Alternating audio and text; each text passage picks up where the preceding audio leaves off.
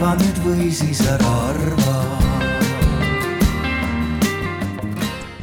tere päevast, hea rahvas, tere päevast. alustame debatiga ja äh, asume siis rõõmsalt vananeva ühiskonna kallale, sest see on meie helge tulevik. küsimärgi võib ära võtta, meil lihtsalt ei ole teist teed äh,. täna juba on maailmas üks miljard kuuekümne aastast ja vanemat inimest, paarikümne aastaga see arv kahekordistub. Eesti elanikest on iga viies kuuekümne viie aastane või vanem ehk nii võimsat gruppi tegelikult kui äh, neid, keda meie täna proovime esindada,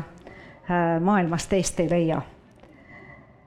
muide, ka ÜRO on äh, aastat kaks tuhat kakskümmend üks kuni kaks tuhat kolmkümmend kuulutanud terve vananemise dekaadiks.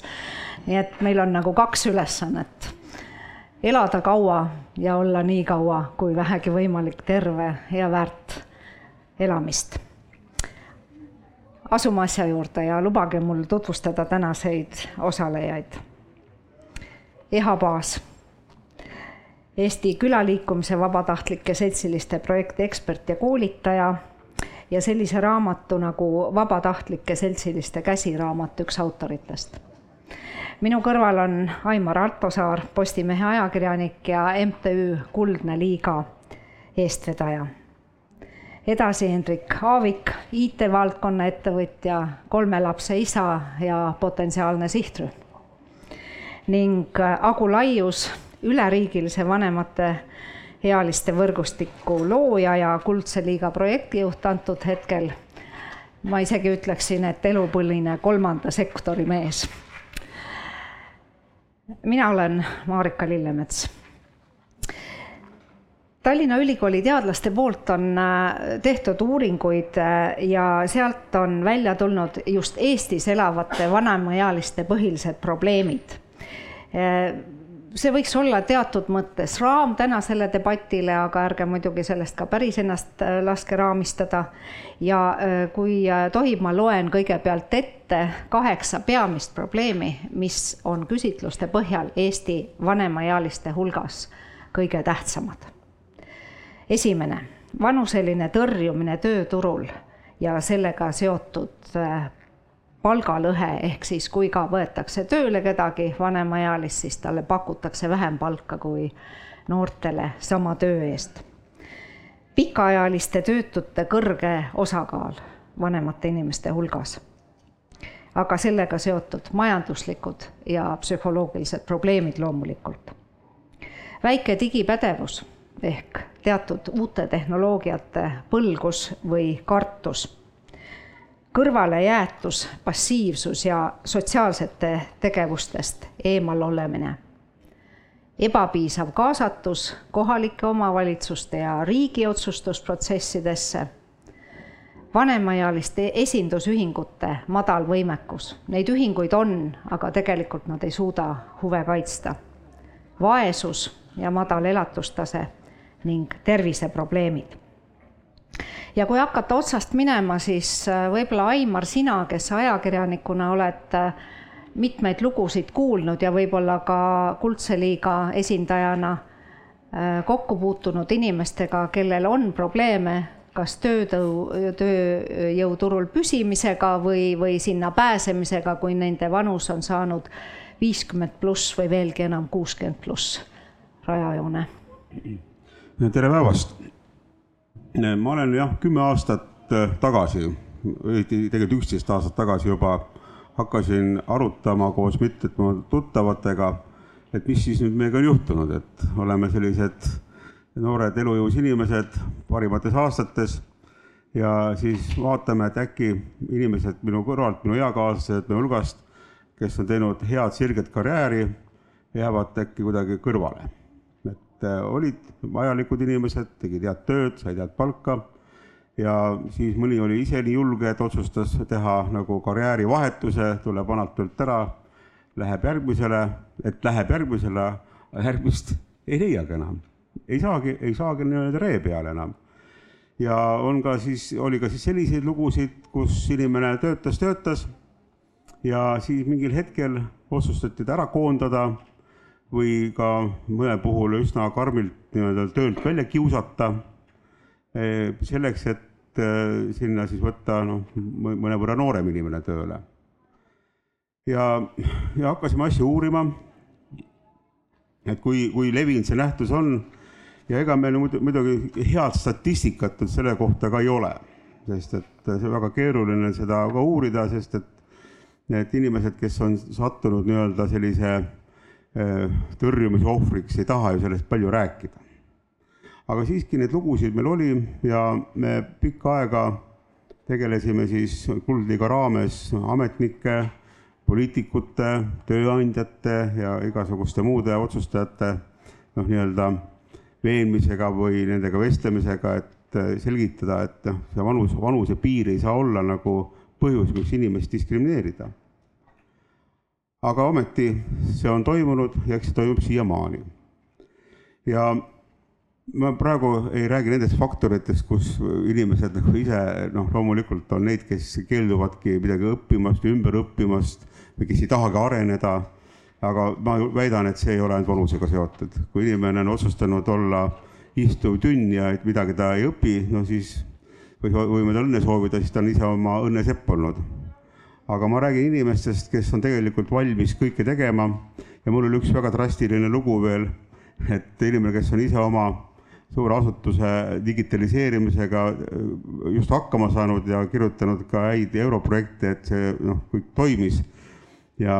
suurte niisuguste ümberpaigutuste tulemusena jäi ta nagu tööst ilma. ja kui ta tegi ühele hotelliketi inimesele, kes otsiti tööd, et administraatori, administratsiooni juht, juhiks, siis öeldi, et ah, te olete siis sündinud jah, sellel aastal, aga teate, aga meil peab arvutit oskama ja ma ütlesin, et ta ütles, et nagu sellega kõige tegelenud ja aga meil on siin ka veel kõik väga palju inglise keeles ja, aga see inimene selles keeles seda asja kõike teinudki. aga, aga see ei veennud seda tööpakkujat, sest ikkagi vana, kõik ja otsus tehtud, eks ole. ja, ja ühesõnaga, see oli see eellugu no ma ise arvan, et see kümne aasta jooksul on see võib-olla natuke paremaks läinud, statistikat on vähe, aga, aga tänane teema, kuhu mina pakkusingi selle teema välja, selle nimetuse, et et inimkonna või ka Eesti rahva ja üldse meie helge tulevik on ju vanadus. ja Marika selle väga hästi tõi ka välja, et äh, suurem osa, noh, järjest suurem osa inimesi ongi vanad ja ega neil ju sellega seoses midagi rohkem viga ei ole, et nad on lihtsalt erinevas vanuseastmes ja me oleme inimesed täpselt samamoodi edasi, aga, aga ometi meil on ühiskonnas hoiakud, kui oled vana, noh, siis mitte ei näidata küll lust otseselt, aga, aga uksest kaugemale ka eriti ei lasta väga tihti. see on minu sissejuhatus ma siia juurde ütleksin seda, et kui äh, kunagi öelda, et viiskümmend ja sealt edasi on vana, siis nüüd öeldakse, et noh, kuuskümmend, hea küll, kuuskümmend viis ja sealt edasi on vana. Aga vanus ei ole ju äh, eelkõige sünniaastas, vanus on eelkõige mentaalne. Äh, võib-olla natuke ka füüsiline, sest kui sa oled haige, siis võib-olla on tõesti nagu rohkem tunda seda vanust, aga eelkõige mentaalne seisund ja selle heaks on võimalik äh, väga palju ka endal ära teha. et äh, kui me vaatame nüüd sellist potentsiaalset sihtrühma liiget,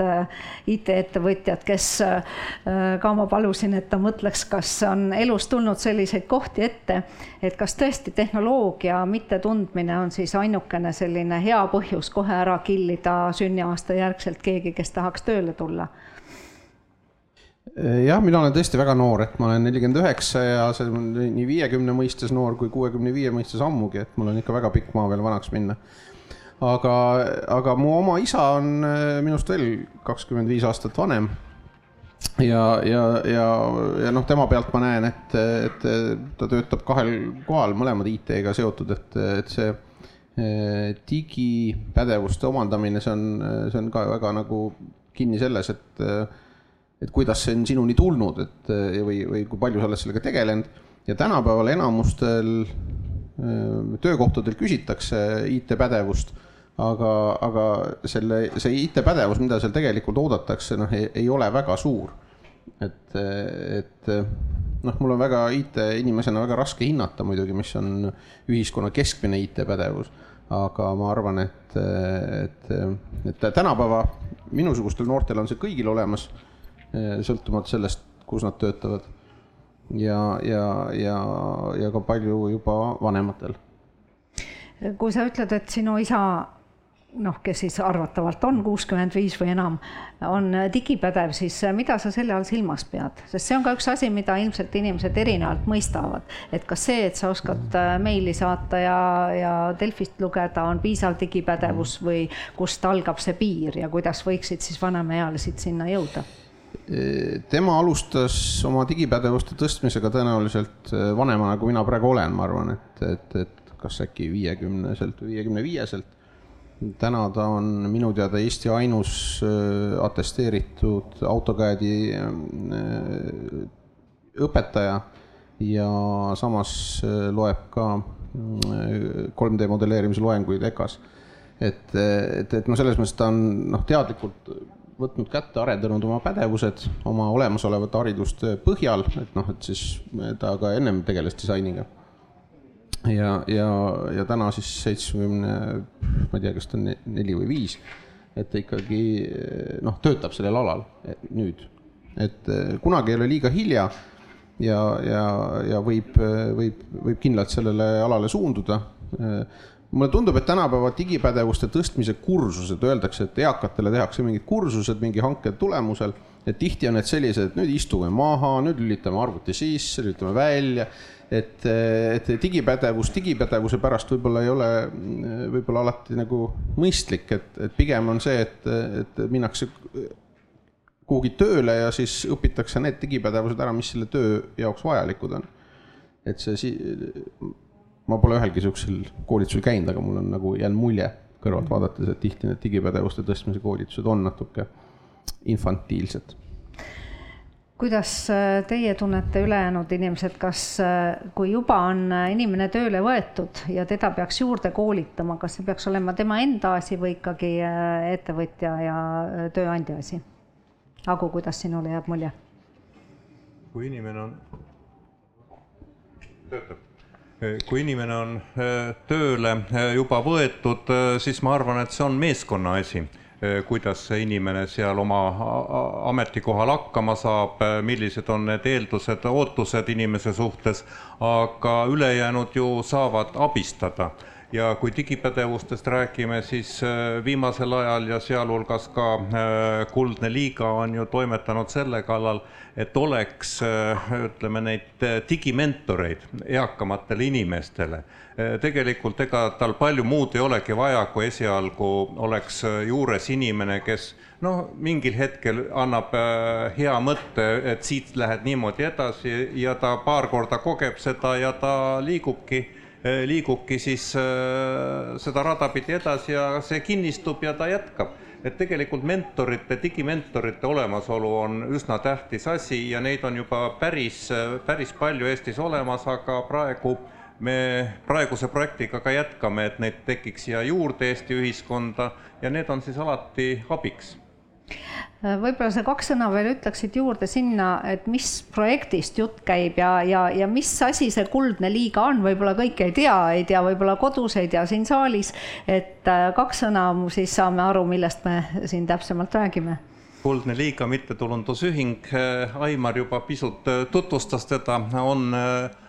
toimetanud siin Eesti ühiskonnas nende teemade kallal juba äh, kümme aastat, aga viimasel äh, mõnel aastal on ta olnud päris tugevaks partneriks Sotsiaalministeeriumile, öeldakse isegi strateegiliseks partneriks ja me ajame Sotsiaalministeeriumiga ühte asja, et Eestist kujuneks vanusesõbralik ühiskond kõikide nende murede eh, koos lahendamiseks, mida sa, Marika, juba siin kõige algul mainisid ja natukene enamgi veel, ja me tahame seda, et tõesti, eh, tõesti see Eestis ka lähtutaks sellest, et eh, vanemaealine inimene ei ole probleem siin ühiskonnas, vaid tegelikult ressurss, rikkus ja väärtus meie ühiskonnas, kes saab sellesse ühiskonda veel väga palju panustada. Äh, ma lihtsalt tahtsin ka selle digiteema juurde öelda, et tegelikult digioskused ei ole ju vajalikud ainult tööelus, vaid üldse ühiskonnaelus osalemiseks, et minul on üks tore lugu Viljandimaalt, kus üks eakate eestvedaja Epp ütleb mulle teha. eakad jäävad kõrvale alates sellest, millist telefoni ta hakkab kasutama. kas ta on valmis nuputelefoni vahetama nutitelefoni vastu, sest kui ta on selleks valmis, noh, temal oli seal tuhatkond väga aktiivset eakat inimest, kes osales kõikidel klubitegevustel ja, ja, ja väljasõitudel. Ja kogu see info liikus ikkagi läbi nende enda igasuguste Facebooki gruppide ja muu sotsiaalmeedia kaudu. Ja need, kes siis neid telefone ei kasutanud, need olid automaatselt sellest infost juba kõrval, nii et et jah, et see digioskused ei ole ainult töö küsimus. Sul on väga tore vabatahtliku seltsilise särk seljas. kas äh, vabatahtlikkus on ainuke variant, kuidas me saame siis näiteks neid äh, vanemaealisi kaasa tõmmata või on veel mingisuguseid võimalusi? Ja, ja kui laialdaselt see vabatahtlike liikumine praegu olemas on, kas me oskame seda hinnata, oskame ise olla need vabatahtlikud jah, no kindlasti on muid võimalusi ka, kui ainult vabatahtlikena siis toetada eakamaid inimesi, aga jah, vabatahtlikud seltsilised said ellu kutsutud kaks tuhat kaheksateist kui käivitus selline pilootprojekt, kus äh, püüdsime siis välja töötada Eesti Külaliikumise Kodukant ja Sotsiaalministeeriumi koostöös äh, mudelit, kuidas siis ikkagi Äh, vabatahtlikud inimesed, kes tõesti tunnevad, et nad oma muu elu kõrvalt tahavad äh, pakkuda seltsi, pakkuda uusi võimalusi äh, eakatele, kes on täna jäänud juba kõrvale ühiskonna aktiivsest toimetamisest. ja, ja nii me siis seitsme maakonna peale pilotiseerisime ja tegime seda nii hästi, et täna on käimas siis üle Eesti kõikides maakondades selle mudeli rakendamine. ja, ja kui ma ütlesin, et tegime nii hästi, siis miks ma julgen nii öelda et tegelikult, äh, kui vabatahtlikud lähevad inimese juurde, kes on jäänud kõrvale äh, ühiskonna toimetamistest, kas ta on siis hooldekodus või ta on endiselt oma kodus, aga tal ei ole enam inimesi, kellega sisulist juttu rääkida, rääkida asjadest, mis talle olulised on. sest see on see, millest me saame vaadata, et kas inimene hakkab tundma end üksildasena ja väga tihti nad tunnevad, sest neil ei ole kellegiga rääkida või kas inimene äh, enam ei saa kodunt või hooldekodust välja jalutama sest ta ei julge üksi kõndida, ta vajaks kellegi tuge, ta ei saa ise poodi minna üksinda, äh, ta ei saa kohvikusse minna ja, ja kõik sellised asjad ja meie, meie seltsilised hakkasid nende inimestega siis juttu puhuma ja rääkima asjadest, mis neile inimestele olulised olid. hakkasid nendega koos jalutamas käima, raamatupidaja ütleb mulle, et kuule, Eha, mis teil seal toimub, sõidukuludel on muudkui, et olin kliendiga surnuaial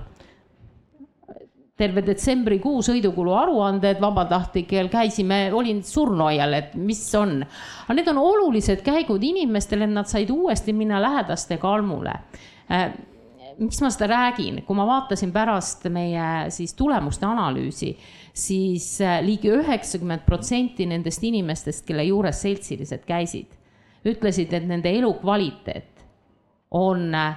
märkimisväärselt muutunud. Neil on uuesti midagi, mille nimel toimetada, on, keda oodata, nad on leidnud mingid asjad, mida nad saavad jälle teha, nende väärikus, et nad saavad ise minna poodi tänu sellele, et, et keegi on kaasas. sest noh, koduhooldus näiteks tuleb ja ostab sulle ju asjad ära ja toob koju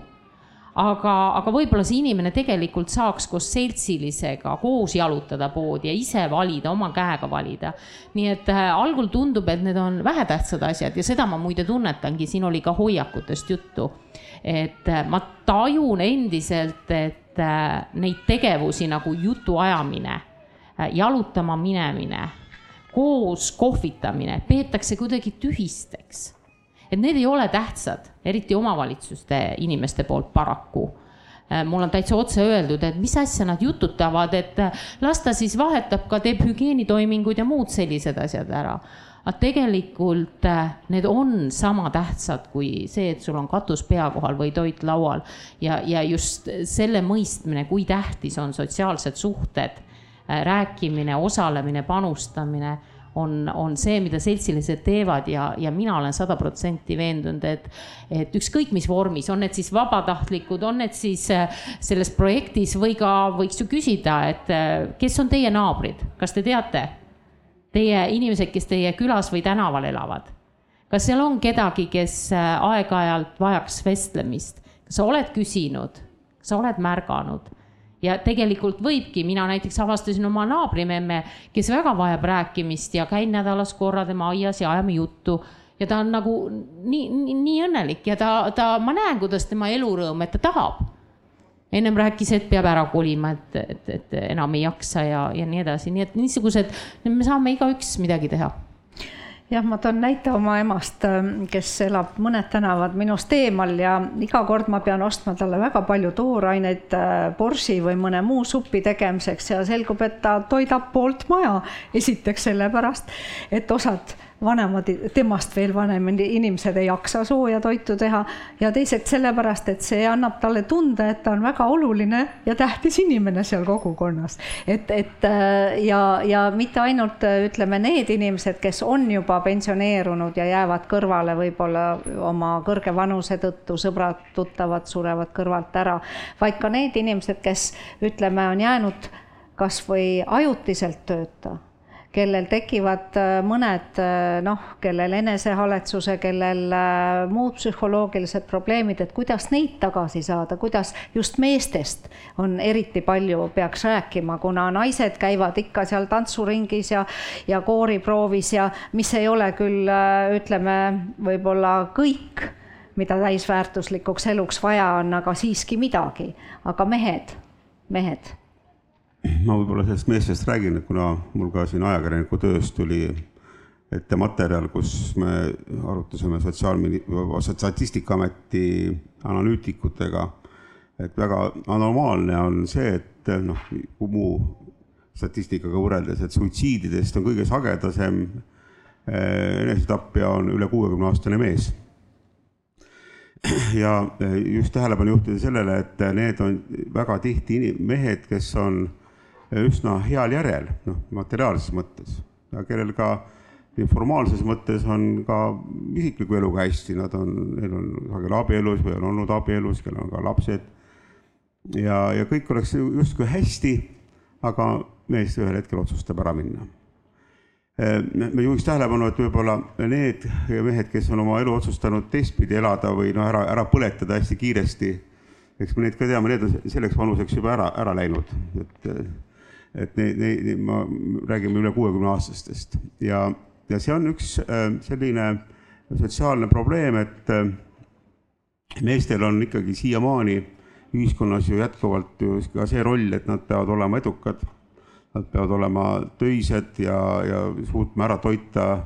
ja katta ja hoida oma pered, neil on nagu justkui suur vastutus. aga noh, tänapäeva elu on natuke keerulisem ja, ja nii või teisiti sa nagu ei tee kõike seda ainult noh, nii-öelda enda, enda peale võttes. ja kui sul selline sotsiaalne keskkond puudub, just nimelt noh, kas siis kohvi või väikest õlut juua kellegiga eh, või siis ka lihtsalt eh, lahedalt juttu ajada, siis sa võid ühel hetkel jääda üksi ja, ja see on väga-väga karm, kui sa oled olnud noh, mingis mõttes nagu ikkagi sotsiaalselt kandvad, kandvas rollis ja ühel hetkel noh, sa ei kanna nagu eriti midagi. sul on küll maja, sul on auto, sul on noh, veel palju asju, aga nagu elu enam äkki ei ole. aga ma korraks veel, ma ei taha pikalt peatuda, igalühel on midagi öelda, ma tahtsin öelda, et siin ma teen ühe niisuguse väikse vahe sisse sellesse, et et see, mida nüüd see vabatahtlikud teevad, see on fantastiline, et meie Eesti ühiskond on juba nii küps et meil on juba see liikumine nii-öelda institutsionaliseeritud inimlikkus. institutsionaliseeritud inimlikkus, et inimesed, kes võtavad selle rolli, mida no paljudel puudu jääb, niisugust inimlikku kontakti, keegi täidab selle kohe ära. aga noh, mina tulen nüüd korraks nagu selle kuldse liiga teema juurde tagasi, et, et tegelikult seda inimlikkust võiksid üles näidata ka juba kõik teised nendes rollides, kus neil on nagu kõrgendatud vastutus teiste inimeste elu ja heaolu eest, näiteks ettevõtjad, juhid kõigil, kelle, kelle, kelle elu ja tegevus puudutab teisi inimesi ja nendel, nemad peale selle, et nad on edukad ettevõtja juhid, peavad ka olema inimesed. et kui seda nagu ei ole, vaat siis tekivadki juba need probleemid, kus on vaja institutsionaliseeritud inimlikkust. jah, kuidas ettevõtte juht kuulab seda? Mul ei ole kokkupuuteid palju olnud eh, eakatega oma töövallas, sellepärast et eh, eakad ka IT vallas ei kandideeri, et eh, see ei ole niimoodi, et mul oleks mailbox täis CV-sid, kes tahaks tööle tulla.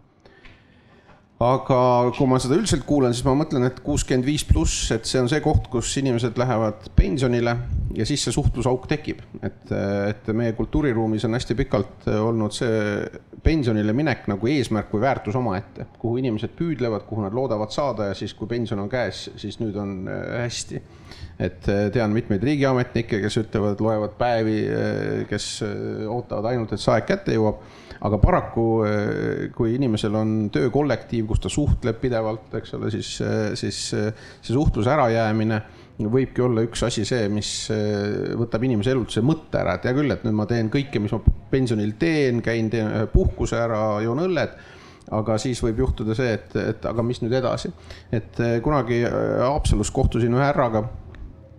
kes on või siis tol hetkel ta oli vist üheksakümmend neli ta on saanud pensioni kolmes valuutas, nii et oma, oma esimese pensioni sai ta rublas. ja, ja, ja, ja ta ütles, et tema kõige suurem häda on see, et tervis on jube hea. et tal ei ole mitte kellegagi rääkida, kõik inimesed on ümbert ära surnud, tütar elab Saksamaal. Ja, ja nii ta kondab mööda Haapsalu tänavaid. Ja kelle, kellegi rääkida ei ole, sest kõik need eh, prouad seal on kaheksakümmend, nad on mingi teine generatsioon temast täiesti, viisteist aastat sarnast muusikamaitset, mitte midagi nad ei tönka et, et just nagu seda omaealist ja, ja noh, et ühesõnaga vot selle nüüd see enesetappude teema, eks ole, kuskilt sealt sisse tuleb, et sul puudub nagu elu mõte, noh, temal oli õnneks tervis korras, eks ole, eks ta siis kannatas ära selle päikesepaiste ja, ja Peatänava üritused. aga et, et mõnel inimesel võibki lihtsalt olla ratsionaalne otsus, et no aga mis ma siis passin siin, et, et noh tööle minekut enam ei ole, noh, see pension tuleb, aga selle eest ka palju ei saa, et, et võib-olla siis noh, selle paari emaili pärast või videokõne pärast sinna Saksamaale eh,. võib-olla ma jäin nüüd rääkima. ei, see oli väga hea tähelepanek, sest äh, põhjuseid on jah, väga erinevaid, miks ühel või teisel inimesel probleem tekib vanusega eh, ma omalt poolt tooksin siia sellise mõtte sisse, et me peaksime ka oma oma väljenduslaadi natukene korrigeerima, läbi mõtlema. kui me juba räägime viiskümmend viis pluss, kuuskümmend viis pluss, siis me lahterdame teatud osa inimestest kuhugi ära kui sa oled selle läve ületanud, siis sa kuulud sellesse kasti ja sellesse kastisse või sellesse kastis olevatesse inimestesse me suhtume sellisena.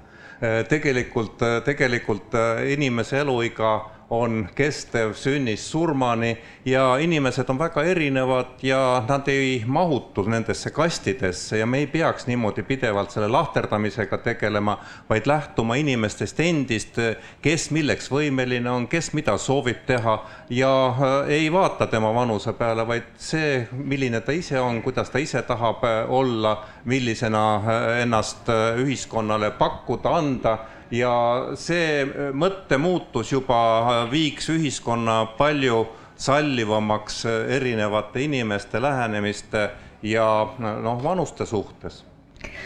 Sinu projekti lühend on NOVA ehk siis noored ja vanad, et kas te olete saanud juba nagu kuhugile näpud taha ka, et, et mis paneks siis neid noori ja vanu omavahel rohkem suhtlema, et üks siis aitaks teist ja teine esimest või, või kuidas te seda näete seal? jah, me lähtusimegi sellest, et äh, ütleme, vanemaealiste teemadega ei äh, peaks ainult tegelema pensionil olevad inimesed, kes kurdavad oma raske elusaatuse üle, vaid tegelikult äh, inimese elukaar on pikk ja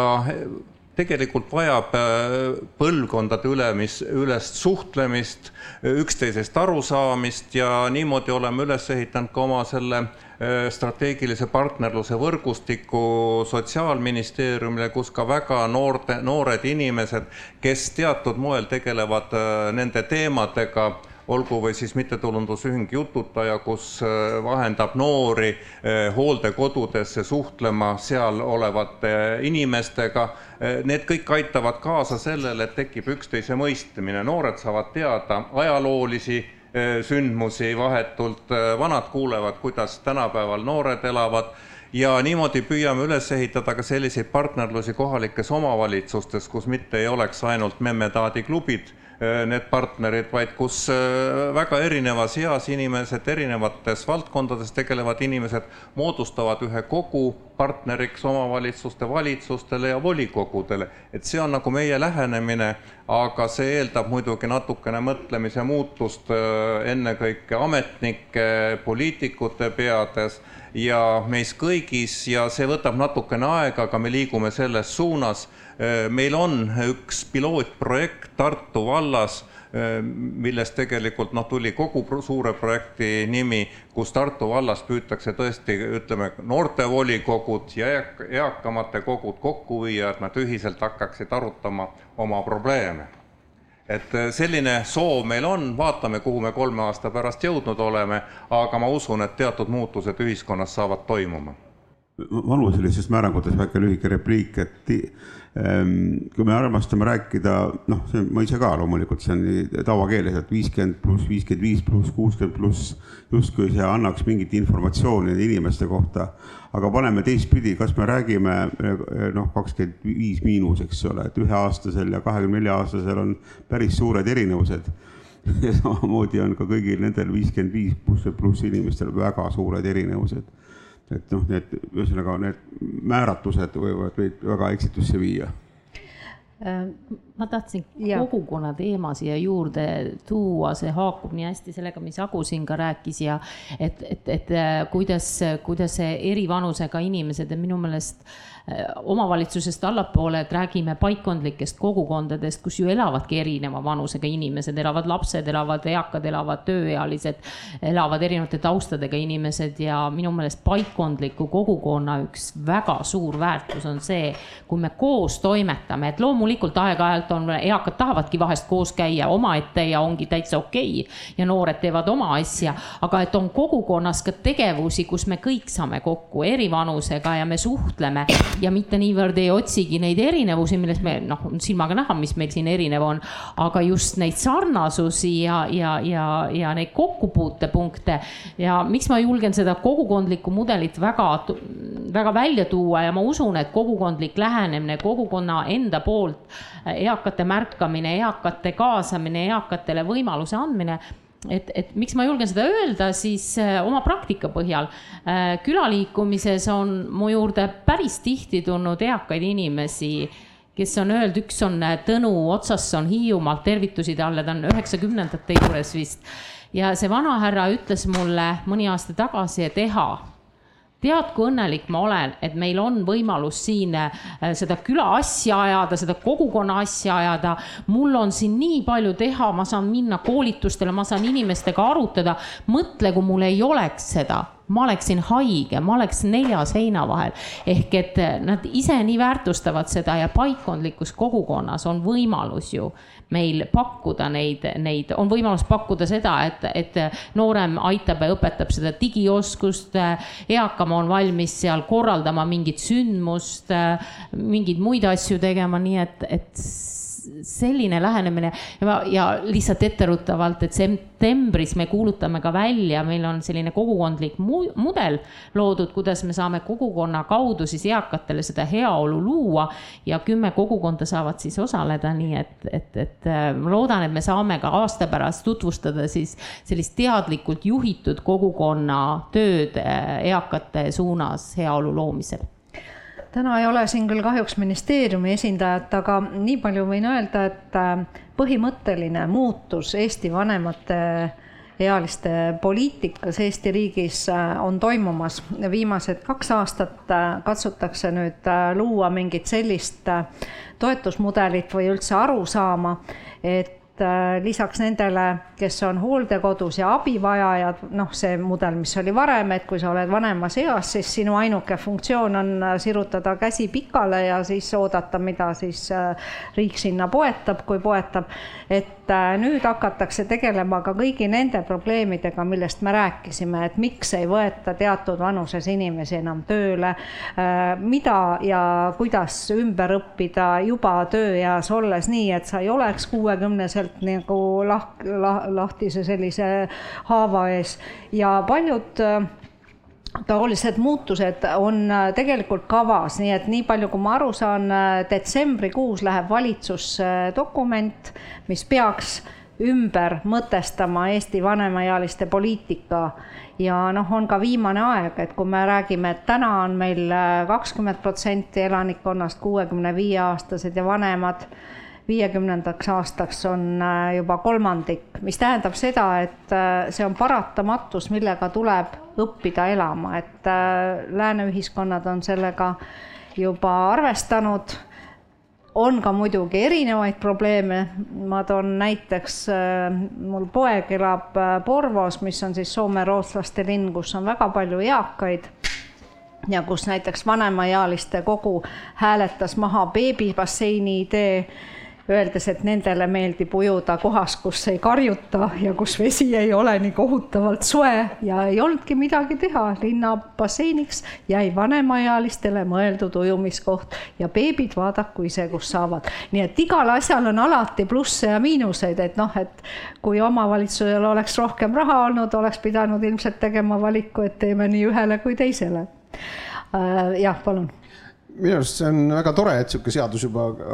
läheb juba Riigikokku, aga see, et mina sellest kuulnud ei ole, näitab, et nagu natuke on vist arutelu tegemata äh,. küsimus ei ole seaduses veel, praegu on alles projektid, mis lähevad valitsusse detsembris, et valitsus siis hakkab neid äh, otsustama ja praegu on kõige õigem aeg survestada, sest nagu me teame, valijagruppidest kõige lojaalsem ja nagu äh, arvukam ongi valijagrupp, mis on kuuskümmend pluss inimesed, et et äh, loodame, et see kolm kuud, mis siis jääb sellest hetkest, kui äh, see infopank jõuab valitsusse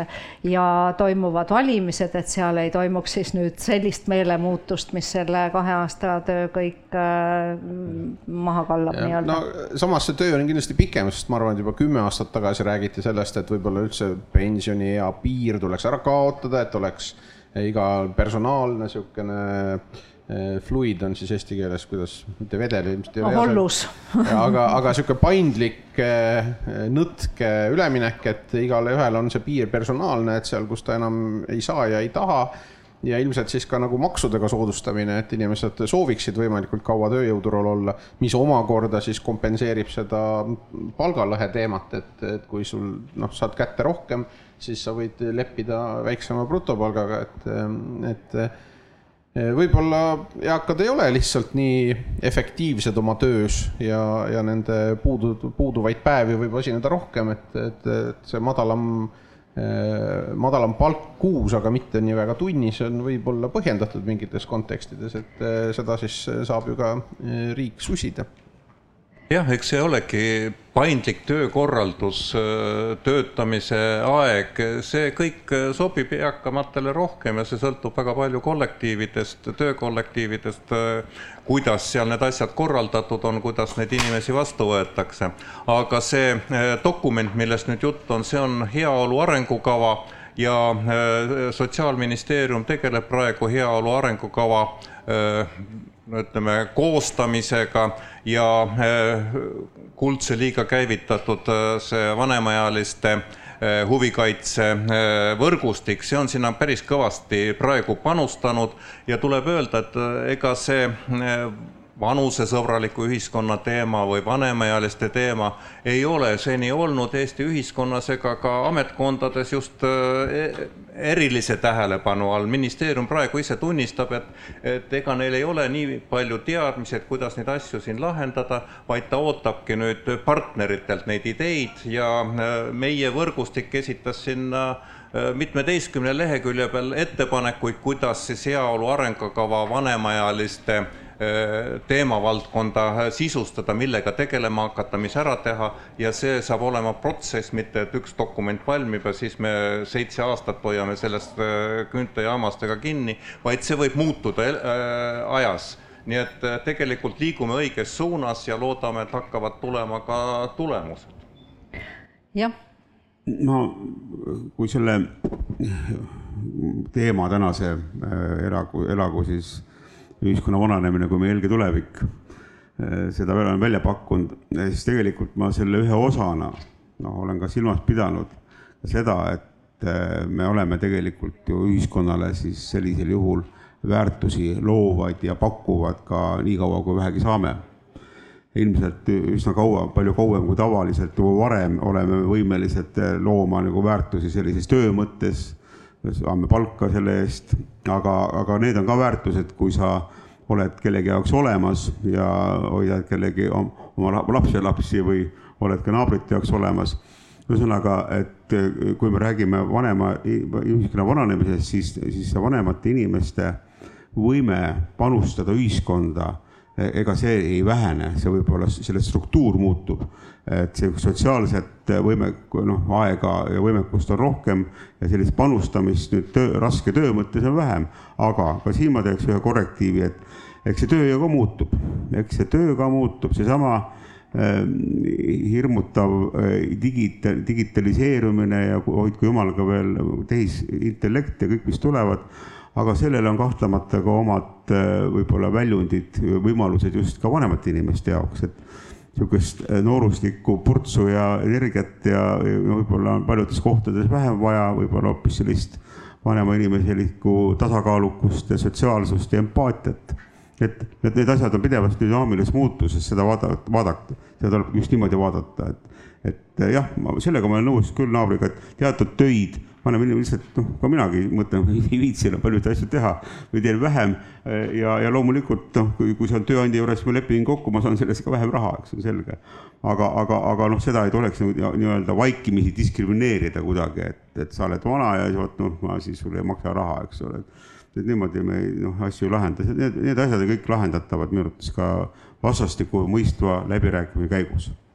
üks viimane uuring, mis on tehtud siis, kus on ka Eestit äh, haaratud kaheksas riigis ümber Läänemere on see uuring olnud ja näiteks siin on äh, kaks tuhat kaheksateist andmed, et äh, Eestis oli paindliku tööajaga töötamist nelikümmend kuus protsenti, Soomes kuuskümmend neli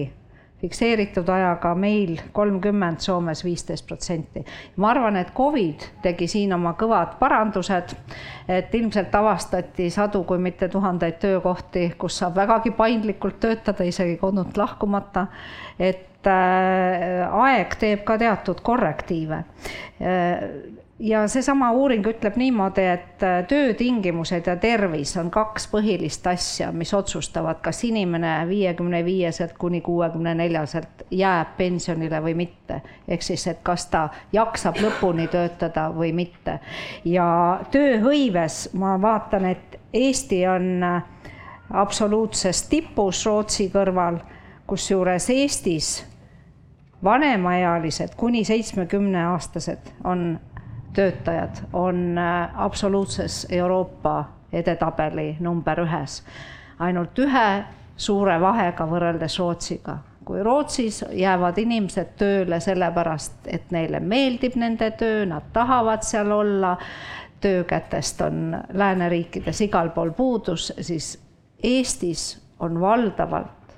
eriti naiste puhul põhjuseks see, et pensioni eest ei ela ära, et tööl tehakse mitte oma professiooni järgi sageli, kõrgharidusega kassapidaja või, või teatripiletööri võime leida sealt. ja nii et statistikaga iga kord ei äh, väljenda seda sisu poolt. aga tervis on kindlasti üks osa äh, sellest, mis äh, vanemaealisi puudutab ja noh, näiteks võiks ju olla mingisugune selline kindlustus ja tervisega tegelemine juba varakult, et miks ma sinu kui sihtrühma poole praegu vaatan, on see, et, et äh, milliseid otsuseid sinu meelest võiks või peaks juba tegema varakult selleks, et, et ei oleks pärast nii palju tarvis äh, maksta Haigekassal ja korjata meie käest, kõigi käest siis neid makse no ma jälle saan ainult IT-maailma pärast rääkida ja, ja, ja väga luksuslikud tervisekindlustused on täna eh, kõigil juhtivatel kindlustusfirmadel ja kõik juhtivad IT-firmad neid oma töötajatele pakuvad. et mis on siis täiendavad tervisekindlustused, et sul ei ole kunagi ja noortele ka pakutakse, see ei ole ainult kuidagi eakate teema, et, et et sa saad alati kohe arsti juurde, sind vaadatakse eh, iga kahe aasta tagant korralikult üle või kui, kui vaja rohkem ja, ja noh, see, see pool on täna tulnud päris, ähm, päris hästi ja ma arvan, et aga see, see võib olla sektori spetsiifiline, kuna meil on nagu töötajaid, töötajaid kogu aeg puudu, et aga jah, ma käisin Luksemburgis.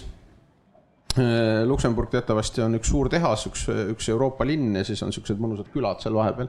Et ühes külas seal oli kogu aeg möll käis, peod iga õhtu poole ööni keskväljakul. Mootorratastega kihutati seal supermarketite vahel. Aga kuskil kõik olid kuuskümmend viis pluss, omavanust inimest ma nägin alles kolmandal päeval. Et äh, lastega seal oli üks sihuke äh, kuuma õhupallide show ja siis oli näha, et me vaatasime oh,, lapsed, laps, veel üks laps, et, et, et väga eakad ja väga heas toonuses ja, ja ilmselt siis, kui mõõdukalt tööd teha, siis on küll võimalik äh, seda taset hoida, et ma arvan jah, et see üks asi on vanu, vanusega probleemid ja teine on see tervelt elatud aastad, et see vist on kõige suurem probleem praegu. jah, palun, jah. ma tahtsin siit äh, juurde rääkida, ma ka natukene nagu sihtgrupp, et viiskümmend üks aastat ja, ja, ja viimane aeg hakata ju mõtlema, kuidas siis tervena vananeda ja ja minul on tänu sellele, et mul on olnud võimalus Tiina Tambaumiga, kes on Tallinna Ülikooli teadlane ja, ja just eakate teemat uurimas ja ja, ja võimalus temaga koos olnud koolitada ja, ja teda kuulata ja, ja see teadmine, mille ma olen nüüd avastanud tänu sellele seltsilise projektile, äh, tänu tööle eakatega, et, millele ma ise pean mõtlema. ja, ja, ja üha enam on mul tunne, et ma olen nagu heas eelisolukorras, et paljud teised minuealised ei mõtle sellele veel. ja tegelikult, et, et tulevikus Haigekassa ei peaks minu eest tohutult palju raha maksma, sest ma jään haigeks, põduraks, lähen dep depressiivseks, jään üksildaseks ja mis kõik veel, siis äh, väga palju sõltub minust endast. aga selleks, et ma oskaksin teha valikuid, oleks teadlik riskidest, oskaks mm -hmm. märgata neid märke, mis tähendab, et ma pean treenima oma aju rohkem või mis iganes. selleks ma pean olema teadlik ja ma hakkasin mõtisklema, et äh, kuidas teile koolikohustus meeldiks viiekümneselt et me lähme seitsmeaastaselt kooli, noh, on kohustus. me õpime, saame targemaks.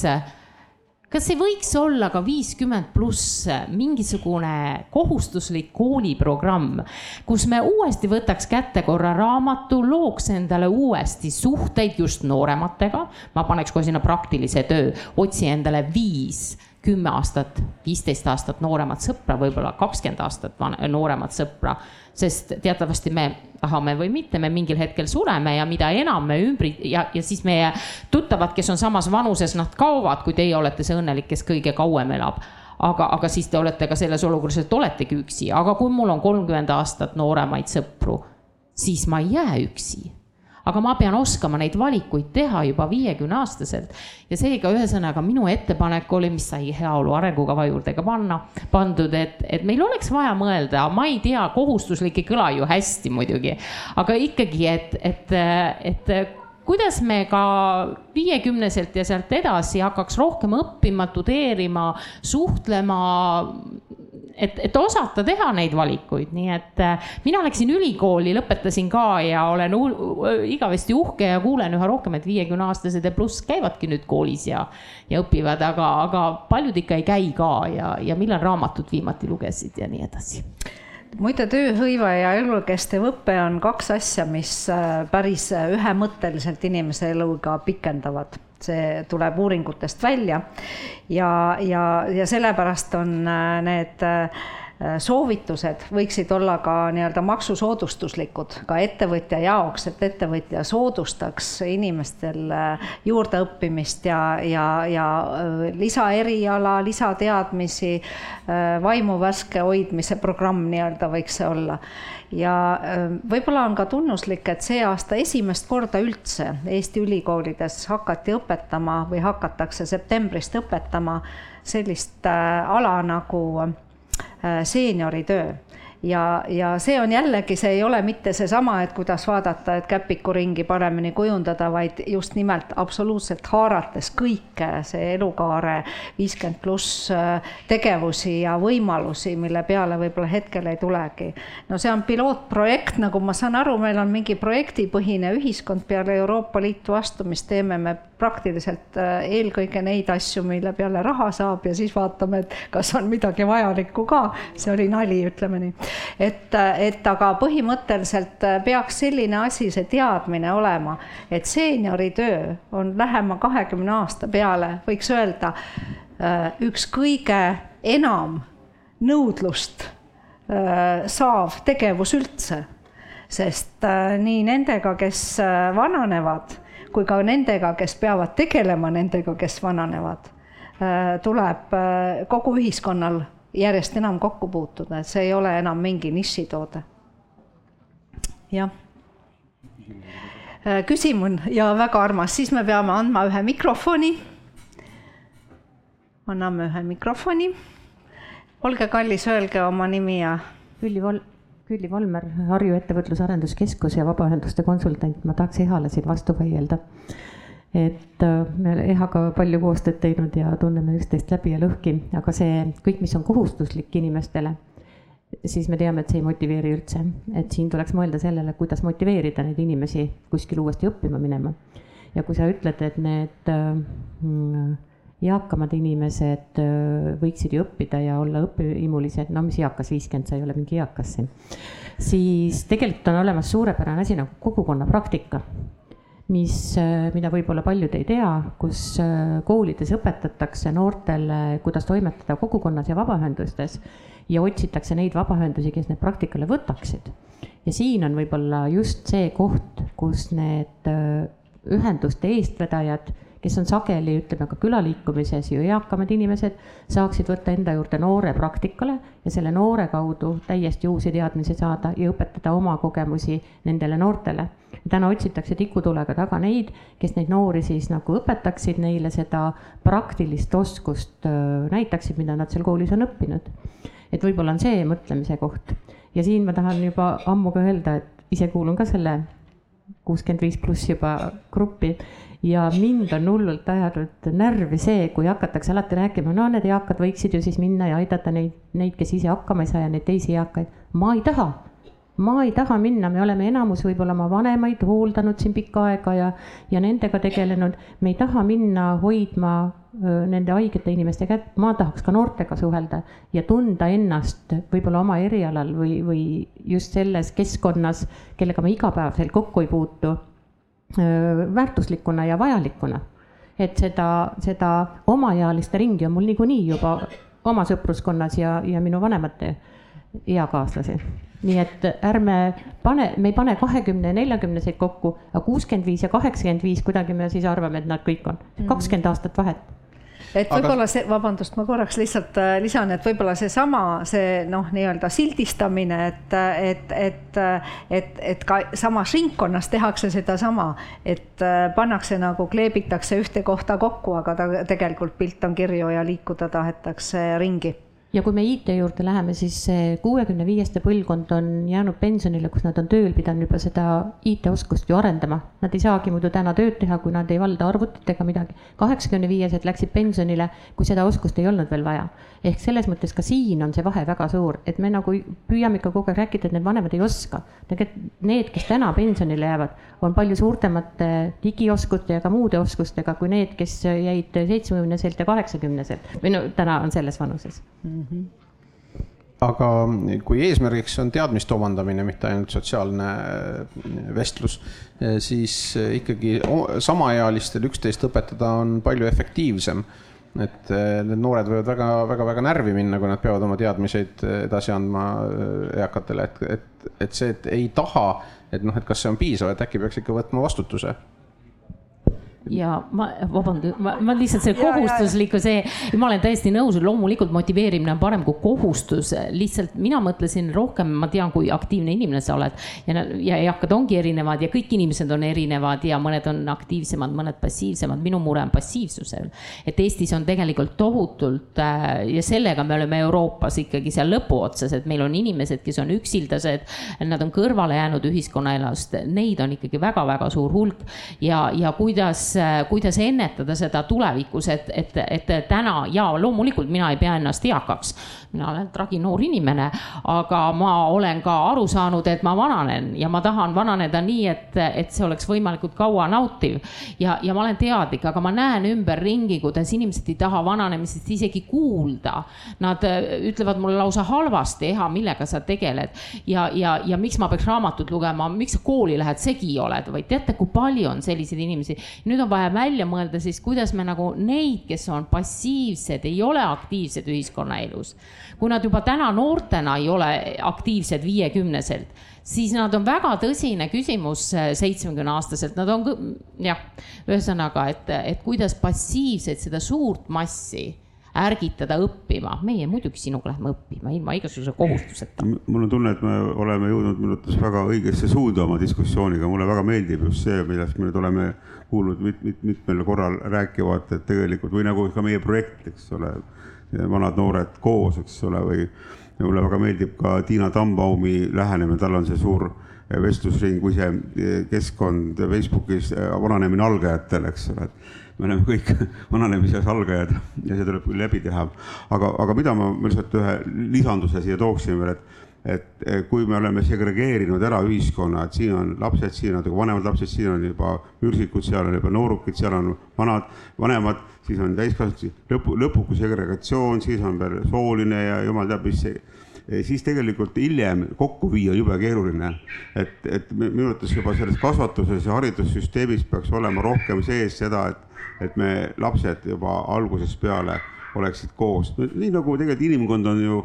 praktiliselt kogu aja olnudki, vanad-noored ongi olnud koos. nüüd me püüame siis seda vahepealset modernse aja segregeerimist uuesti ületada, noh, alguses institutsionaliseerimisega, aga hiljem, et oleks loomulik, et, et see vananemine on niisugune mitte hirmutav, vaid loogi, loomulik, loogiline protsess. see alternatiiv on ju noorelt surra, aga ei taha ju. järelikult elame kaua ja õnnelikult jah, Agu. Äh, siit võib-olla Aimari jutust ongi hea minna edasi, et äh, tõesti, me ise peaksime kujundama sellist ühiskonda ka sellisena, igaüks oma oma töökollektiivis, mina, äh, kes ma tegelesin kodanikuühiskonna sihtasutuse Äh, juhtimisega kaksteist aastat. ma teadlikult äh, võtsin sinna nooremaid inimesi, kellel on täiesti teistsugused teadmised, oskused äh, ja selle kõrval õpid ise ka neid asju juba töö käigus selgeks. mul olid tööl nii minu suhtes lapseealised kui ka lapselapseealised, aga tegelikult kokku moodustasime väga tervikliku meeskonna ja saime kõik suurepäraselt hakkama. aga edasi tahan minna ka selle jutuga, et äh, õppimine, jah, äh, Hendrik ütles äh, tõesti õigesti, et teinekord on noored kärsitud ja, ja, ja kuidagi nagu noh, ei saa aru või ei taba ära, kuidas eakamat inimest õpetada, aga siit tulebki välja see, et ka seeniori tööd on vaja õppida. Ja see on selleks, mille pärast on need äh, seenioritöö mikrokraadi programmid ja, ja nüüd viimasel ajal äh, mitmetes koolides püütaksegi seda äh, õpetada, kuidas teha seenioritööd see ei ole mitte see, et sa hooldekodus teed seenioritööd, vaid inimesed, kes oma igapäevatööst puutuvad kokku vanemaealiste inimestega, olgu need siis raamatukogude töötajad olgu need siis äh, mingite kultuuriasutuste töötajad ja nii edasi ja nii edasi, nendel on vajalik see teadmine, et kuidas, äh, kuidas tege, tegeleda, töötada eakamaga, kes tuleb sellesse asutusse. äh, mõnikord õppima, mõnikord millegi muuga tegelema, aga tema seal hoidmiseks on oluline, et see töötaja valdaks seda, kuidas seda inimest oma asutusse juurde tõmmata ja kuidas temaga suhelda, et ta jääkski seal käima no nii nagu äh, läks ikka mitukümmend aastat enne, kui õpetajad hakkasid enam-vähem normaalset palka saama, kogu aeg räägiti sellest, et õpetajate palk on niivõrd madal, aga vajadus ja tähtsus on väga suur. täpselt sama kehtib praegu kogu selle nii-öelda vanemate inimestega tegelejate professionaalide osas, et nad on peaaegu kõige madalamal palgaastmel üldse. Et see on väga-väga suur probleem, mis tähendab seda, et see on eelkõige hoiakute küsimus ja siin on nagu äh, nii ajakirjandusel väga suur roll, tegelikult äh, sihtrühmad peavaksid rohkem ise survestama poliitikuid ma arvan niimoodi ja, ja kindlasti ei ole ka vähetähtis see, et seda informatsiooni oleks võimalikult laialt kättesaadavalt ja erinevate võrgustike vahel jagatud. et äh, ma väga loodan, et sellest asjast saab asja, mida, mida Agu teeb ja et sealt need äh, tekivad tõesti need võrgustikud, et, et kui sina tõesti tahaksid minna kuhugile noorematega mingisuguseid huvitavaid asju tegema, et sul oleks või keegi noored tahavad leida vanemaid inimesi, kellega suhelda, et nad teaksid, kustkohast äh, ühtsest mingisugusest keskkonnast seda infot leida ja ka oma ideid pakkuda, sest üks asi on nagu omavahel rääkida, aga teine asi on jõuda ikkagi mingite nende otsusteni, alates maksusoodustustest ja lõpetades siis noh, kasvõi nende võimalustega, kus midagi asju läbi viia, jah. ja et ma omalt poolt võin öelda, et kui ettevõt-, et ettevõtja vaates on kindlasti eh, üks noh, juhil ülesanne ehitada kvaliteetset kollektiivi ja, ja nüüd mõnda aega on olnud see, et on kollektiive ehitatud niimoodi, et nad oleksid võimalikult homogeensed, et oleks ühevanuselised umbes ja võib-olla kõik mehed. Et siis tänapäeval on see nüüd lõpus aru saadud, et, et, et tuleks minna tagasi sinna, kui ma üheksakümnendatel esimesi oma töökohti tegin, siis alati kõik kollektiivid, kus ma olin, oli läbilõige vanuseliselt, naised-mehed, kõik hästi, hästi variatsioonid rohke aga nüüd tänapäeval jälle ehitatakse tiime ikkagi teadlikult, otsitakse sinna noori ja vanu, mehi ja naisi ja noh, IT-maailmas eriti veel ka püütakse erinevatest geograafilistest asupaikadest leida võimalikult mm -hmm. kaugelt inimesi mm. -hmm. aga et võib-olla jah, see vanuseline diferentseerimine on, on kõige vähem fookuses, aga ta on täiesti tagasi tulnud ja olemas, et jälgitakse seda, et ei oleks ainult noored või ainult vanad nagu paljudes äh, kohtades on teatud andmebaasid, näiteks äh, kui äh, otsitakse töötajaid, siis noh, on seal mingisugused kas erialased või, või ka vanuselised klassid, et tegelikult võiks olla ka selline tööteenus, kus oleks andmebaasis kõik need töökohad, mis sobiksid vanemaealistele eelkõige. tegelikult ühest küljest on see tore mõte, teisest küljest me oleme Töötukassaga rääkinud, nendel hakkavad siis äh, nii-öelda vanemaealiste grupp hakkab nelikümmend viis pluss, no mis asi see nüüd on siis ja kui, kui ma vaatan, et Ene-Margit Tiit on meil toredasti siin, siin kuulamas ja, ja kindlasti üks näiteid, kui sa tegelikult professionaalselt saad oma eriala tööd teha, mida sa armastad ja oskad, et siis ei ole sellel vanusenumbril seal üldse mingit, mingit erilist, erilist äh, tähendust. Ja nii nagu ennem äh, mainis Aimar, et tõesti äh, töö iseloom ise ka muutub, siis on arvata, et kuskil lähema seitsme-kaheksa aasta jooksul Eestisse jääb selliseid nii-öelda lihtsaid töökohti järgi vähem kui kümme protsenti kõigist vajaminevatest, mis tähendab ka seda, et kui sa natukenegi midagi professionaalses mõttes ennast arendad, siis on see tööle saamine, äh, selle tõenäosus suurem, sest töökäte puudus on massiivne. Korra, töötab jah, et äh, tahaks ikka üle rõhutada jah, seda momenti, et kui me räägime nüüd inimestest ja kontekstis, et ei ole tähtis, kui ta vana ta on, tõepoolest, ainult me peame silmas pidama, äh, et siis on inimene ka ise kogu aeg noh, nii-öelda elus. Tahab õppida, tahab muutuda, tahab võtta, võtta omaks uusi asju, on uudishimulik elu vastu, äh, tunneb huvi teiste inimeste vastu, siis pole ju vahet, kui vana ta on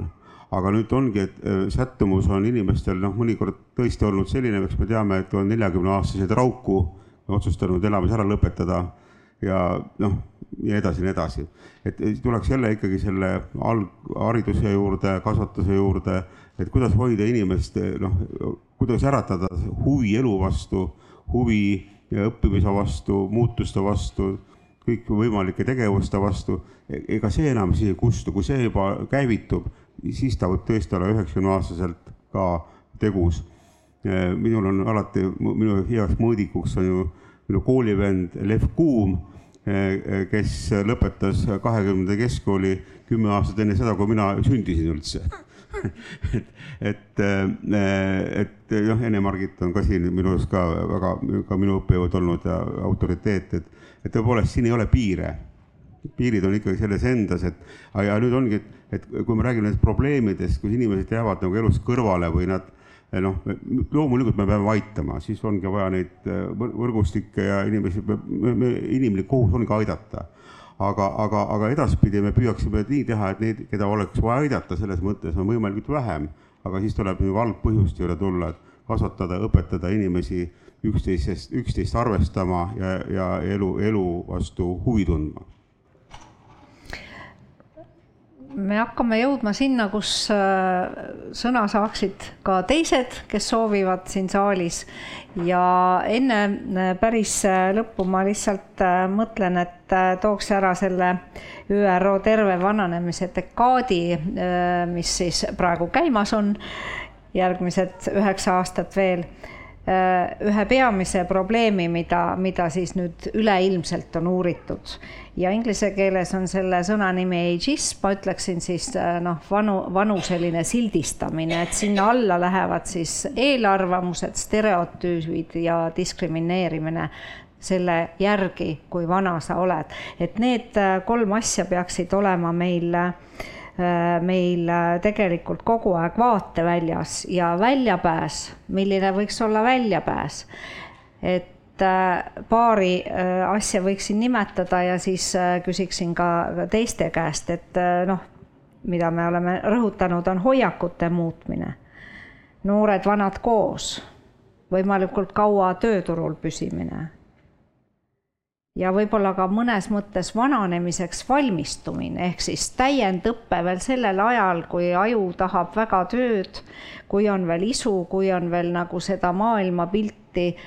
Äh, noh, piisavalt nii-öelda selgena hoidvat äh, tahtmist ja soovi. ja kindlasti siis ka riigipoliitika muutmist, et seesama vanust äh, respekteeriv suhtumine väljenduks siis ka nendes poliitikates, sulgudes eelarve, mis Eesti riigil olemas on. et tahate keegi veel lisada või täpsustada siia juurde midagi? Agu jah, ei, sa tõid need asjad äh, esile, nende teemade kallal me tegeleme ja nendest me oleme täna siin ju kõik ka rääkinud, et, et mitte lahterdada, mitte sildistada. Äh, elu kestab edasi ka siis, kui sa oled teatud äh, vanusepiiri ületanud ja mitte ainult niimoodi, et kestab, vaid sa oled täiesti aktiivne ühiskonna osaline ja pigem tuleb luua juurde neid võimalusi, kuidas iga inimene saaks tema soovide, võimete kohaselt ühiskonnas osaleda ja see ongi nagu see meie eesmärk, kuhu me peaksime nagu selle ühiskonnaga jõudma. Me selles projektis tegelemegi sellega, et panna paika või sõnastada need vanusesõbraliku ühiskonna põhimõtted, millest me kõik peaksime lähtuma ja ma usun, et siin saab kõigil olema võimalus kaasa rääkida, kaasa öelda, kaasa mõelda, ettepanekuid teha, et eh, kuidas need põhimõtted eh, peaksid saama sõnastatud ja need põhimõtted lähevad eh, Sotsiaalministeeriumi teistesse ametkondadesse. Ja ma loodan, et nad saavad siis mõne aja pärast ka selliseks juhindumiseks võetud dokumendiks, millest, mille abil vaadata läbi kõik oma õigusaktide eelnõud, et, et kas see vastab nüüd äh, nendele ootustele, mis äh, ootab vanusesõbralik ühiskond. nii et siin me püüame neid muutusi, suhtumisi, suhtumiste, hoiakute muutusi esile kutsuda. aga kuhu saaks kirjutada või mis keskkonda? esialgu võib mulle kirjutada, kuldse, kuldsele liigale kirjutada, kuldne liiga nende asjadega tegeleb ja, ja kui see asi Äh, avalikuks tuleb, siis ilmselt äh, Kuldliiga äh, Facebooki lehel saab seal sõna kaasa rääkida, aga seda arutab see vanemaealiste huvikaitsevõrgustik, väga paljud organisatsioonid on sinna kaasatud, Kuld, Kuldse Liiga kodulehel leiab kõik selle võrgustiku liikmed üles niimoodi, et see saab olema võimalus küll igalühel kaasa rääkida, kui tal see tahtmine tekib ma tule, tule, tuleks nüüd ühe sellise külma duši minu enda ja meie jutule praegu. et noh, ma olen nagu mõelnud palju meie haridussüsteemi peale, mul endal puudub, puudub juba ammu igasugune kokkupuude eh, lapsedki, lapselapsed, noh, esimesed hakkavad juba varsti ka jõudma keskkooli. ja mulle tundub, et noh, nagu selliste ühiskonna hädade mitte põhjus, vaid üks väljendus on see, et et koolis on meil ikka väga tugev segregatsioon, nii vanuseline kui ka sooline, õpetajad on naised, mehi ei ole praktiliselt, üksikud ja järjest vanemad. ja nüüd ongi ma, külm dušš seisneb nagu selles, et näed, seal on vanad-noored koos koolis. on väga, väga noored lapsed ja õpetajad väga vanad. ja, ja ma arvan, et eh, noh, nagu ma, mulle meeldib tsiteerida Lembit vabandust, Robert Kitti. Robert Kitt on kirjutanud äh, huvitavaid äh, esseid akadeemias teemal ühiskondliku komplekssüsteem. ja see komplekssüsteem juures väljendubki selles, et kui kusagil on nagu sellised anomaaliad, siis nad tegelikult tekitavad ka mujal, iga noh, nad tekitavad igal pool neid asju et, et ma arvan, et väga paljud noh, sellised probleemid hakkaksid lahenema ka just nimelt inimestevahelistes suhetes ja ja sellest, kuidas me elame, mida me elult ootame. Äh, sellest, et kui koolis oleks ka see õhkkond palju selline heterogeensem, siis oleksid noored ja vanad õpetajad, mehed ja naised õpetajad ja kuidagi see nagu see kogukondlikkus väljenduks ka seal koolis nii ealises kui ka vanuselises võtmes. mulle tundub, et kusagil, et, et me ei, ei, et meil on need probleemid praegu et, et me nagu segregeerime ka vanuse, vanuseliselt edasi, tulevad ka sellest meie harjumusest koolis. ma ei tea, kuidas täpselt, aga see mul, mulle lihtsalt kummi, kumma, kummistub niisugune vaade. ma jah, ka pigem toetaks seda kirjeldust, et mõned aastad tagasi ma lugesin Õpetajate Lehest ühte artiklit, mille autorit ma ei mäleta, aga see oli üks õpetaja mingisugusest Lõuna-Eesti koolist, kes rääkis uhkusega sellest, kuidas nad oma kollektiivi ehitavad et eh, kuidas nad, eh, kõik õpetajad on juba pensioniealised, aga nad ei lähe pensionile, sest pensionid on nii madalad, sellega ei ela ära. ja et nad on omavahel teinud sihukese süsteemi, et, et kui on, eh, kui on vaja nüüd juba palgafondist hakkab väheks jääma, et kedagi koondada, et siis nad pigem teised vähendavad oma palka ja, ja siis nagu kompenseerivad koolis juhtkonnaga kokkuleppel, võtavad vähem palka selle eest, et, et kõik saaksid siiski kooli alles jääda ja, ja kuigi ta oli kirjutatud sihuke uhkusega ja kuidas eakad teevad omavahel koostööd, siis minu arust väljendas ta ühtlasi ka seda kõike, mis meie haridussüsteemis valesti on. et, et see oli nagu noh, sihuke katastroofi kirjeldus oli minu meelest see lugu. aga ma ei tea, kuidas sellega võidelda mm. -hmm. Mm -hmm. nii, pöördun kuulajate poole, et kui saab mikrofoni sinna. aitäh aitäh, minu nimi on Anu Lill, ma tulin siit mööda sellel hetkel, kui keegi teist rääkis, et äh, Rootsis äh, töötavad pensionärid õnnelikult edasi, kuna nad on piisavalt rikkad, aga meil töötavad pensionärid ainult sellepärast, et äh, nad muidu ei tuleks lihtsalt toime. ja see tegi nagu mu südame nii kurvaks, et ma tulin siia ja, ja, ja tahtsin seda öelda, et tegelikult me peaks juba algusest peale, juba koolisüsteemist algusest peale inimestele eh, ütlema ja lastele ütlema, et võtke ise vastutus enda rahalise seisu eest. investeerige nagu, harige ennast niimoodi, et teil, te ei oleks eh, pensionärina sellises olukorras ja see on täiesti võimalik. et me ei pea tõesti tegema vastumeelset tööd, kui me oleme pensionärid ja me võime teha juba no minu vanuses, mis ma olen nelikümmend kuus, on ju, et ma võin juba praegu nagu tegelikult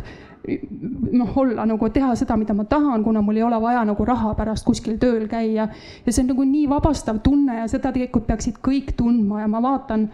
oma ema ja oma vanaema pealt, kes noh, vanaema on surnud juba, aga tõesti, nendel oli ka täpselt sama olukord, et tuli tööle edasi käia, kuna lihtsalt arved olid suured, tuli maksta, tuli lapsi kasvatada ja niimoodi. noh, seda ei pea tegema, et me peaksime jah, algusest peale juba enda finantsilise heaolu nagu eest vastutuse võtma ja liiga palju mitte lootma riigile ja liiga palju mitte lootma pensionisüsteemile ja suur aitäh, see on väga oluline remark, puudutab ühtlasi ka kooliharidust, sest äh, investeerimistarkust võiks ja majandusharidust õpetada äh, algkoolist peale tegelikult. Äh, me ei saanud, ei jõudnud käsitleda seda teemat, mis on ka Eesti vanemaealiste puhul üks olulisemaid ehk vaesus ja sellest tulenev mala, madal elatustase, kus võtab igasuguse tuju ära üldse ühiskonnast midagi teada ja tahta ja soodustab vägagi seda omaette jäämist ja depressiooni. et äh, kindlasti see teie ettepanek on äh, tänuväärne selleks, et äh, seda probleemi vähendada. kas on veel küsijaid? ma arvan, et see suurem selline sisupool meie tänasest teemast, vananev ühiskond, meie helge tulevik. ma alguses ütlesin, et võtame selle küsimärgi sealt lõpult, lõpust ära ja paneme hüüumärgi, kuna vananev ühiskond on meie paratamatu tulevik. aga tänase debati lõpus mul ühest küljest oleks tahtmine uuesti see küsimärk sinna tagasi panna las nad siis jääda koos. vananev ühiskond, meie helge tulevik, küsimärk ja hüüumärk. igal juhul ma tänan kõiki osalejaid ja küsijaid. kunst ei ole vanaks saada, vaid täisväärtuslikuna elada seda aega, mis meile antud on soovime. ma tahan ühe asja öelda, tänases Postimehes on vestlusring just nendel teemadel. ostke tänane Postimees, seal on Eh, Tiina Tambaum, seal on eh, Rein Taagepera, seal on Kristjan Liive, noorem mees, ja mina, me arutame väga tõsiste nägudega, kuidas õnnelikult vananeda, sest et see läheb eh, Kääriku Metsaülikooli, mille teemaks on, üldteemaks on õnnelik lõpp. nii et toetame üksteist ja loome vanusesõbralikku Eestit. suur aitäh kõigile. selge see, et ega. good health.